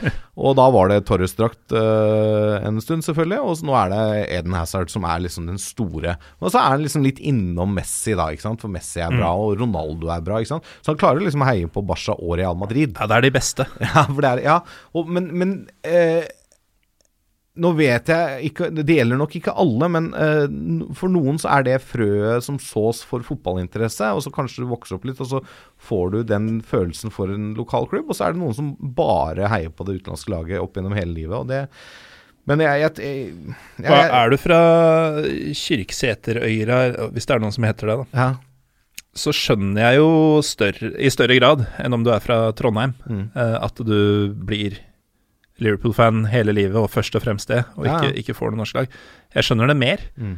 men uh, du går glipp av et aspekt ved fotballen som du, hvis du er en sånn type, da, Mm. aldri vil kunne forstå. Ja. Og da kommer jeg til å stille et meget vanskelig spørsmål. Okay. Hvordan kan man få denne gruppa mennesker Mm. til å involvere seg, til å forstå? Åh, ja, det var et veldig Det var stort. Det var stort. Eh, jeg tror Skal vi droppe det? Nei, nei, vi, eh, vi kan jo prøve. Nei, altså jeg tror Hvis jeg hadde hatt svaret på det, eh, så burde noen fra enten Norsk Fotball eller Fotballforbundet ringe meg ganske raskt og tilby meg en ganske feit lønn. Det er ganske usannsynlig at svaret på dette kommer i Pyro Pivo nummer 99. Det Men vi, vi, vi prøver. Nei, jeg tror ikke vi har noe svar på det, men jeg, altså jeg tror man bare må Jeg tror man rett og slett må være flink på å framsnakke norsk fotball. Altså vi Litt av grunnen til at vi starta med toppfotball i sin tid, var jo ønsket om å framsnakke norsk fotball. En fotball vi er veldig glad i. Uh, så, så jeg tror Jeg tror faktisk litt ligger der at vi som er interessert og glad i norsk fotball, om det er i andredivisjon eller fjerdedivisjon eller Eliteserien, om du liker Rosenborg, Brann, Lillesund eller Vålerenga, det, er- det har egentlig ikke så mye å si. Men framsnakk fotballen. Framsnakk spenningen. Framsnakk eh, at det er kule profiler som kanskje blir landslagsspillere en dag. Eh, framsnakk han nye, kule eh, spilleren man henta, han islandske duden som har gått en eh, litt kronglete vei via Heerenveen og Hammarby, og nå er King Kong på Åråsen, liksom. Ja, men altså- For en mann! ja, for en mann! Nei, men altså, framsnakk produktet, da. Og så må man, jeg tror man rett og slett må ha den drahjelpa fra media. At de skriver positivt Ja, ikke positivt, men de skriver om og, og dekker norsk fotball. Eh, og ikke bare eh, krisene. Eh, og ikke bare sånne platte kampreferater og liksom leite med lys og lykter etter liksom den derre gnisningen og konflikten. Jeg, altså, jeg skjønner at det konflikter selger, men eh, jeg savner Jeg savner dybdeintervjuer med fotballspillere. Hvor du blir Ja. kjent med en fotballspiller, hvor du blir kjent med en fotballtrener. Men jeg- Enig. Samtidig som fotballspillere ofte er de platteste intervjuobjektene som fins. Jo, men hvis du får Altså, det fins en del dyktige eh, journalister der ute som er flinke til å stille de rette spørsmåla for å få de gode svara. Som f.eks. Martin Roppestad i toppfotball. Ja, han er jo ganske flink, altså. Han er det. Han dro mye ut av uh, ikke veldig mutte, riktignok, Arnold Smarason Nei, i, men- ja, i jo, ukas toppfotball. Ja, det er sant, det, altså. Men, uh, ja, men altså, du, du, får dem i en setting hvor de føler seg litt komfortable. Mm. Ikke sant? Uh, jeg husker vi jobba mye med det i Vålerenga, at spillerne skulle Altså, jeg sa det litt i stad, du ber ikke en spiller som ikke er klovn, om å være klovn. Og, men du kan prøve å dytte en spiller litt på vei til å si at det, det her er helt ufarlig, og det er ikke live, og vi kan Altså Hvis du sier noe dumt, så er det lov å si vet du det der har jeg ikke lyst til at det skal være med. Altså Gjøre litt sånne Altså gjøre den litt trygge, da. Du kan til og med øve med det. Du kan til og med gjøre dybdeintervju altså i klubbene, da. Mm. Gjøre dybdeintervju med de i trygge rammer med en de jobber sammen en kollega først. Foregikk det i Vålerenga? Ja, vi hadde masse dybdeintervju med spillerne våre. Vi brukte det bevisst vi som redaksjonelt innhold. Hvor vi satt spillerne i en stol f.eks. på treningsfeltet eller eh, når vi var på treningsleir, og intervjua de i dybden. Med litt lys i trynet og sånn også? Litt lys og et par, gjerne satt opp to kameraer, så vi hadde to vinkler, ikke sant. Så kunne klippe mellom de to, og så satt Mm. jeg på en stol foran og prata med de. Og det gjorde vi masse. Ja, det, Mm. det er god trening. så- Selvfølgelig, så- ja, det er god trening for de, og så selvfølgelig er det eh, Det er propaganda. Altså, Når jeg har en halvtimes dybdeintervju med Martin Andresen som skal fortelle hvorfor Vålerenga spiller som de gjør, og, og forsvare sin egen uh, trenergjerning mer eller mindre, og forsvare hvilke valg som blir tatt hvorfor, så er, alle skjønner at det er propaganda-TV. Fordi Mm. vi er klubbkanalen. Så jeg kan ikke stille de mest kritiske spørsmålene, naturlig nok, og de mest tabloide spørsmålene, men jeg kan få han til å snakke. Ikke sant? Mm. Så det er litt uh, men, uh, men jeg liker jo sånn, selv om det er litt sånn humor-TV, da. Men jeg, jeg liker at øh, han derre Bernt Hulsker og Christian Gause drar ut og besøker spillere og klubber og får de til å by på seg sjøl litt. ikke sant? Disse Ranheim-gutta og han derre Michael Carlsen som liksom hadde privatsjåfør oppe i Trondheim der, ikke sant? fra den der eh, veldig folkelige Ranheimsklubben, ikke sant? Eh, som jeg nesten ikke orker å nevne med navn lenger. Uh, sannsynligvis Det ikke. skal vi komme tilbake til. Det skal vi komme tilbake til. Men, uh, men jeg tror eh, sånne ting er med på å løfte norsk fotballs eh, Altså bevisstheten til norsk fotball der ute blant folk. Når de ser at det er mannen i gata som spiller fotball på høyeste nivå i Mm. Norge, og, og de tør å, tør å by litt på seg sjøl. Altså. Så mediene har jo selvfølgelig um, den største påvirkningskrafta her. De har mye makt. Men, men um, for deg og meg, da, Mm. og dere som hører på Når spørsmålet 'hvorfor liker du sånn dårlig fotball' Mm. kommer, så er det egentlig opp til hvor godt svaret ditt er. Eh, Ja. Kanskje. Ja, men altså, det kan være Altså, hvorfor liker du sånn dårlig fotball? Uh, nei, for det er, min, det er min klubb, kan jeg si. Mm. Det er den klubben jeg har et hjerte for, kan jeg si. Jeg, jeg, altså jeg pleier å si jeg er Altså, Vålerenga er klubben min, og så, jeg, så følger jeg Liverpool, pleier jeg å si. Ikke sant? Jeg er supporter Altså, supporter jeg har vært på Anfield tre ganger eller noe sånt. Altså, jeg, altså, jeg liker Liverpool, og jeg vil at de skal gjøre det bra, men hadde de møtt Vålerenga i en tellende kamp, så er det ikke noen tvil om hvilket lag jeg hadde heit på. Og det er ikke de som har størst sjanse til å vinne den kampen. Nei, ikke sant. Og um, nå er, jeg sitter ofte her og er veldig sånn fotballsupporter politisk korrekt. Og, og, og det er ikke noe jeg vil mer enn at uh, Lillestrøm og faktisk også Vålinga, Rosenborg og Brann og Haugesund og what have you fyller stadionene sine. At det er kok på enhver arena til enhver tid. Um, men det er også viktig å påpeke at jeg kan ikke sitte her som uh, fan av både Union Berlin og Fenerbahçe og demonisere folk som i stedet holder med United og Liverpool, da. En, For, fordi de, de er så lette ofre. Ja. Det, det er alltid de eh, som blir dratt fram som sånne skrekkeksempler, ja, fordi at det er så mange som følger de to klubbene, og så har du de Ja, eller engelsk fotball i ja, eller engelsk fotball, så har du de senere årene hatt en liten sånn dreining mot uh, at man følger enkeltspillere, da, sånn type Messi Ronaldo, ikke sant. Ja, Så- akkurat det er noe forbanna dritt. Jo, jo, men ja, men det, de ser i hvert fall fotball, da, tenker jeg. Jo, jeg prøver å tenke litt sånn på det, men du har jo masse folk som i fjor gikk med Ronaldo med, med Real Madrid-logoen på, som nå går med Juventus-drakta. mm. For det er Ronaldo som er det shit, liksom. Det er ikke, klubben er helt uh, Altså, jeg har ingenting å si, egentlig. Det er Ronaldo de følger. Det er Messi de følger. Hadde Mm. han bytta klubb, så hadde de fulgt den klubben, for det er Messi som er King Kong, liksom. Ja. Men, um, men jeg, jeg gjør det med Jannis Haji. jeg. Ja, riktig. Det er, det er han du har det sånn Det, det er min spiller. Ja, ok. Ja, ja det er, er ryddig. det er ryddig. Det er jo sånn alle Vålerenga-supportere har det med Morten Berre. Nei, ikke sant. Apropos, fikk vi nevnt han igjen nå. Nei, men altså, jeg tror um, Men altså eh, Ja, media har mye makt. eh, men du skal ikke legge alt på media heller, selvfølgelig. Du skal ikke Altså, du skal ikke ansvarliggjøre media for eh, manglende tilskuere på tribunen. For det er, det, det er veldig komplekst hvorfor det ikke kommer flere på norske tribuner. Men det er noe med tilbud og etterspørsel og hva man har tilgang på, selvfølgelig. Um, men det er klart, sånne saker som Altså de der ev- evinnelige sakene hvor uh, det kommer sånn der Ja, nå er, det, nå er det nedgang i publikumstallene igjen, liksom. Ja, ok, det er det i år, men nå må du se på hvilke klubber som er blitt bytta ut, da. Ikke sant? Du bytter ut Ålesund og Viking med hva var det som rykka opp i fjor? Ranheim og Sandefjord. Ja. Man hører jo hvor det bærer. Ja, ikke sant? Da, du skjønner at tilskuertallene kommer til å gå ned litt grann da. Mm. Altså Ranheimsfjøra, hva tar den av? 2800 tilskuere eller noe sånt når det er fullt? Eller, eller kanskje 3600, jeg husker ikke. Det var i hvert fall sjokkerende lavt, da. Nei, jeg tror det er eh, sånn 2500 cirka. Ja, ikke sant?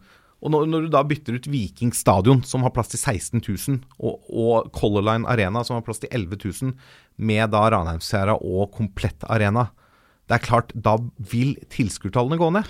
Jo, uh, Du må se eh, litt bak tallene, da. det, det må du selvfølgelig, men samtidig så gikk jo tallene ned i Lillestrøm, i Vålerenga Ja, ja. og uh, Bergen, ikke minst. Ja, ja, og det har vel litt også med at de skulle bygge en langside der, da.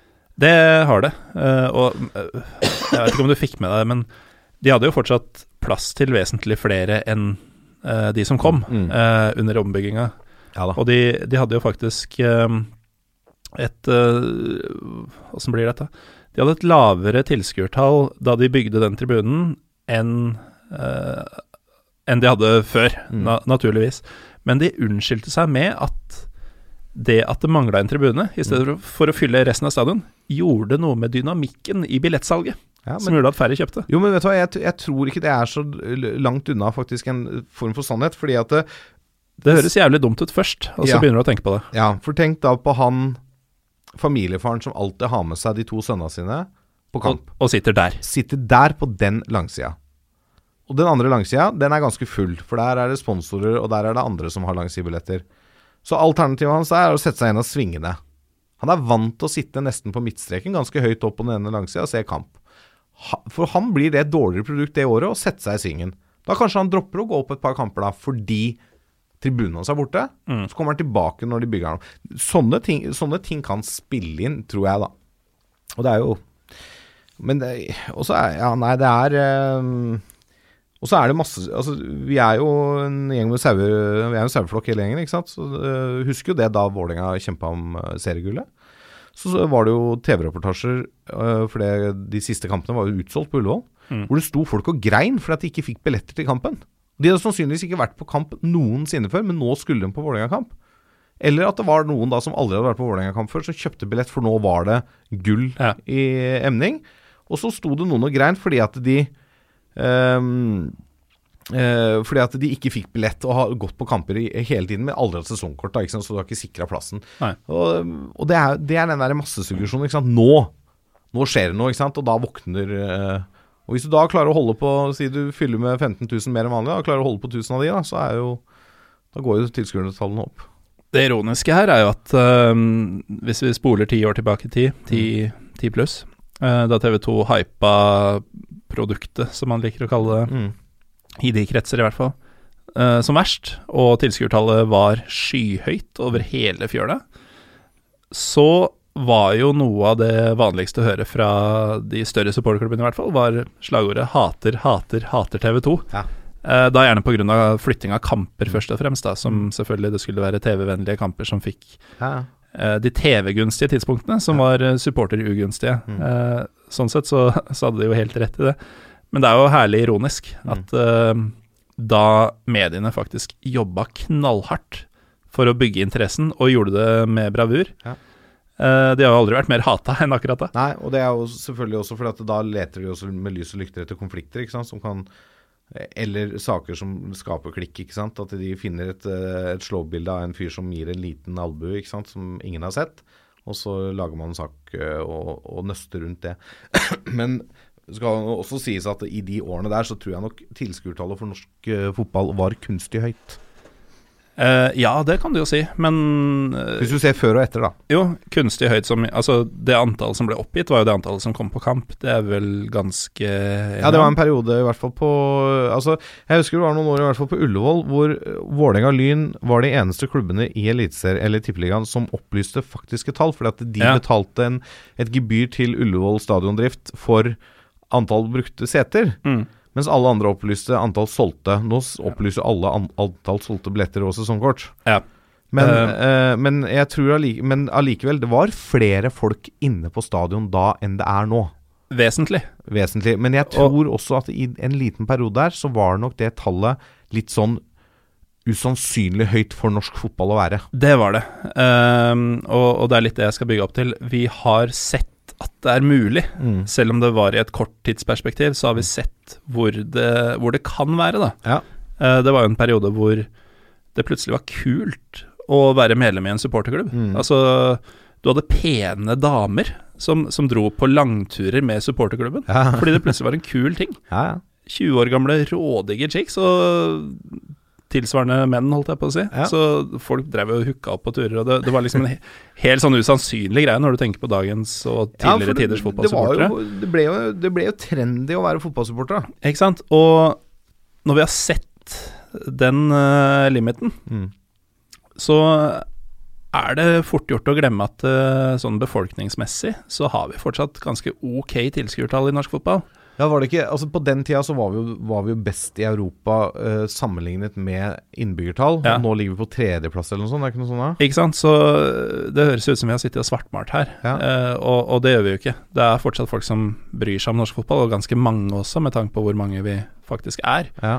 Uh, at Lillestrøm, som har noe sånt som 14 000 innbyggere, har eh, drøye 5000 i snitt, er jo egentlig ikke så verst. Nei, det er jo ikke det, ikke sant. Og Det er bare at man veit at man kan ha over ni. Ja, ja jo, jo, selvfølgelig. Men det, nei, men det er jo helt klart det, det er, Sånne ting har uh, Sånne ting må vi ikke glemme heller da når vi diskuterer på en måte tilskuertall. Det er jeg helt enig i. At uh, hvis du ser eh, sammenligner med andre ligaer og ser på antall uh, innbyggere eh, Og så kan du også se på priser, ikke sant. Altså hvor mye betaler vi for en kampbillett eh, sammenligna med lønna, eh, snittlønna vår enn hva man gjør i England, da, f.eks. Ikke sant? Vet du hva, for øh, Hva heter det? Um, for en som har reist rundt og sett fotball i en del land, Ja.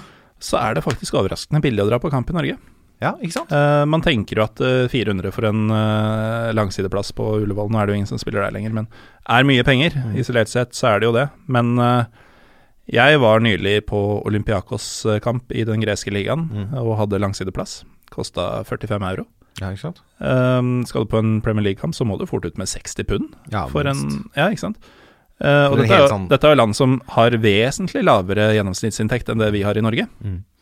Så um, Og dette er jo land som Ja, nå er Hellas kanskje et dårlig eksempel, sånn sett. De, de fyller på de store kampene, men eh, i Premier League er det jo alltid fullt. Mm. Så kan du jo selvfølgelig diskutere hvor mange av disse som er local workers og sånn. Ja, ja. Men um, prisene i Norge er helt fine, Ja, det er det. Jeg, bortsett fra på Nadderud. jeg sammenligner av og til også litt med amerikansk idrett. Jeg har vært og sett en del uh, forskjellige typer idrett i USA, blant annet eh, altså basketball og amerikansk fotball. Og, og for så vidt også baseball. Og det, det er jo eh, Koster penger, det òg. Det er ikke billig, altså. Nei. Og, det, og det er liksom Hvis du skal under 300 kroner, da får du nosebleed section. Det er lengst opp i svingen, liksom. Mm. Det er så langt unna banen du kommer, og langt opp i svingen du kommer. Da kanskje kommer jeg under 300 kroner billetten. Skal du ha langside uh, midfield, så er det Da ryker du faen meg på over 1000 kroner i billetten, da, altså. Og det, Ikke sant? Og dette er ikke svartebørsen. det er ikke svartebørsen, det er helt åpent, uh, ryddig Mm. salg. Og, uh, og det er jo da et sted mellom 50 000 og 80 000 på hver kamp, ikke sant. Ut ifra hvor stor stadion er. Det er fullt på hver kamp, omtrent. Ja. Men der har jo også hver by eh, tre millioner innbyggere, holdt jeg på å si. jo, selvfølgelig. Du jo, Men du har jo Green Bay, da. ja, og det er jo helt sjukt. Som har, de har vel en 60 000 innbyggere, har en stadion som tar 75 og har venteliste på 20 år på sesongkort. Mm. Og, de, og de 60 000, det er ikke sånn at de bor i en bykjerne heller. Det er jo Nei, nei, det er et spread- widespread area. ja, ja, det er, det er jo ikke en by. Nei, det er jo, det er jo et tettsted. Ja, på- med USA-standard, 60 000. Ja. Og, det er, og der er det sånn at de melder de setter, når- Idet en unge blir født, så blir hun satt på venteliste for sesongkort. Sånn at han kanskje kan få det til 20-årsdagen. Liksom. Det er jo helt sjukt. Um, vi må nesten runde av uh, La Jeg veit ikke hvor mange svar vi har fått på ting, men vi, vi har i hvert fall diskutert en rekke Diskutert. temaer som forhåpentligvis er interessante for noen. Um, men du nevnte for en liten tid tilbake at uh, du nesten ikke klarer å si Ranheim. Ja. Og for de som ikke har hørt alle episodene av Toppfotball, Hva hva er det Ranheim har gjort deg? Ranheim, hva har de gjort meg? Nei, det var, dette var jo da i det herrens år eh, 2017. Eh, høsten 2017 så var vi på vei inn i en kvalik til Eliteserien. Um, og da Dette var jo da så tidlig at det fortsatt drev Obos-lagene og kniva seg imellom om å få møte tredje siste laget i Eliteserien. Og så diskuterte vi hvilke lag som hadde, av Obos-lagene som hadde mulighet til å rykke opp til Eliteserien. og så har jo jeg vært av den oppfatning i mange år at Ranheim For Ranheim har veldig ofte i mange år vært ekstremt gode på våren i Obos-ligaen. Sånn helt sinnssykt gode. Og så har høsten kommet, så har de bare dabba, dabba, dabba. Så har kanskje havna på en kvalik, eller rett utafor kvalik. Og så har jeg tenkt at ja, det er fordi at eh, de har jo ganske tette bånd til eh, den litt større klubben eh, med svart og hvitt. Eh, Rosenborg, og at det har vært sånn der Ja, men det er sånn vennskapsklubb og skal ikke konkurrere om uh, trønderpublikum, liksom. For det er masse Ranheim-supportere som også er Rosenborg-supportere, ikke sant. Eh, så jeg sa jo på litt sånn Jeg sa jeg tror ikke Ranheim rykker opp, så jeg, jeg tror de var femte lag i Obos eller noe sånt. Eh, de kommer aldri til å rykke opp, sa jeg. I hvert fall ikke i år. Ja, hvorfor det? Nei, jeg tror ikke de er gode nok, og de, de har det høstslumpen, liksom. Eh, Og de er amatører. Ja, de er amatører, ikke sant. Så jeg, jeg sa at eh, hvis, eh, hvis Ranheim rykker opp, så skal jeg faen meg gå Birken, sa jeg. Altså Birkebeinerrennet på ski, 54 km fra Rena til Lillehammer. Og de rykka jo opp, selvfølgelig. Det, ja, du, du ba dem jo om det. Jeg ba dem jo tydeligvis om å rykke opp. Eh, og så skulle jeg jo da egentlig gått i fjor, og så har det seg sånn at jeg fikk en eh, liten runde med en blindtarmbetennelse og fjerning av eh, indre organer akkurat der. Så beleilig. Ja, det var jo veldig beleilig, men det gjorde jo bare at jeg utsatte smerten. Da. Så da skal jeg altså fredag 15. mars gå det såkalte Turbirken, som det nå heter. Så jeg går ikke liksom det hovedrennet med 10 000, jeg går med de 700 på fredag. Men det tror jeg blir helt fint. Det er jo bare en eh, drøy uke til. da. Det er bare en drøy uke til, ja. Det er helt riktig. Du gleder deg som en liten unge. Ni dager, vel, strengt tatt. Ja, i hvert fall mens vi sitter her. Å, fy faen. Åh, ja, så Jeg vet ikke om du har hørt Nei, du har ikke på headset. Nå hørte man akkurat at det trakk opp til en rap i halsen min. Ja, og det, jeg tror jeg kommer, det. det kommer på opptaket, tror jeg. Eh, nei, så jeg um, Jeg har ikke noe mål annet enn at jeg skal fullføre i live og ikke bli tatt av. Det vil si at uh, jeg kommer til mål før det blir så mørkt at de kommer og henter deg ut. Og du skal i mål. Ja, det er målet. Målet er å komme i mål. Målet er å komme i mål i livet. Hvor sannsynlig er det å nå målet? Nei, jeg, tror- jeg tror jeg skal klare det, men jeg tror det blir jævlig tungt. Altså, jeg, jeg har gått litt ski i vinter, og jeg har hatt noen sånne turer på tre mil og sånn, og da, da begynner det å bli ganske tom for energi. Altså, det, musklene begynner å kjenne at du jobber litt. Men jeg skal, jeg skal ta meg god tid og liksom tenke på å gå så billig som mulig, og så må jeg huske å spise og få i meg næring underveis. Det tror jeg blir viktig, for det blir ganske mange timer, det her, da. Mm. Men ikke spis så mye at du får hold. Det er det verste som kan skje. Nei, det skal jeg ikke gjøre. Jeg skal prøve å unngå det. Takk for godt tips. Yes. Uh, takk, Lasse Wangstein, for at du, du kom i studio i dag. Takk for at jeg fikk komme. Veldig hyggelig. 99 episoder, eller 98, tok det før du, du ble invitert. Ja, men det, det, det tåler jeg. Og imponerende, imponerende med 99, og lykke til med 100-årssendinga live på Edderkoppen, altså. Takk, det trengs, for nå har jeg ganske bra nervedrama foregående inni meg. Ja, Da får Eh, du seks tøffe dager foran deg. ja, det, det er ikke noe å være meg om dagen. Forkjøl deg. Ja. Uh, uansett, takk til deg, Lasse, og til dere som hører på, takk for at dere gjør det. Um, vi uh, har jo da, som dere vel har fått med dere nå, uh, neste ukes episode live. Eh, hvis du bor i Oslo-området, så er det fortsatt billetter igjen på Edderkoppen scene tirsdag 12. mars blir det, eh, klokka 18.30. Kom presis, vi setter i gang når vi sier vi skal. Eh, med mindre folk blusser og vi må utsette som om det var et Stockholmsderby. Eh, I tillegg så er vi jo da, samtidig som Lasse spyr uh, gjennom uh, Birkebeinerrennet fredag 15., så er vi i Bergen, på Bergen offentlige bibliotek. Eh, Der er showstart klokka 19.00. Det er gratis, du trenger ikke å kjøpe billett, bare kom. Vi eh, annonserer eh, gjestene meget, meget snart. Det kommer til å bli ganske fett, skal jeg si dere!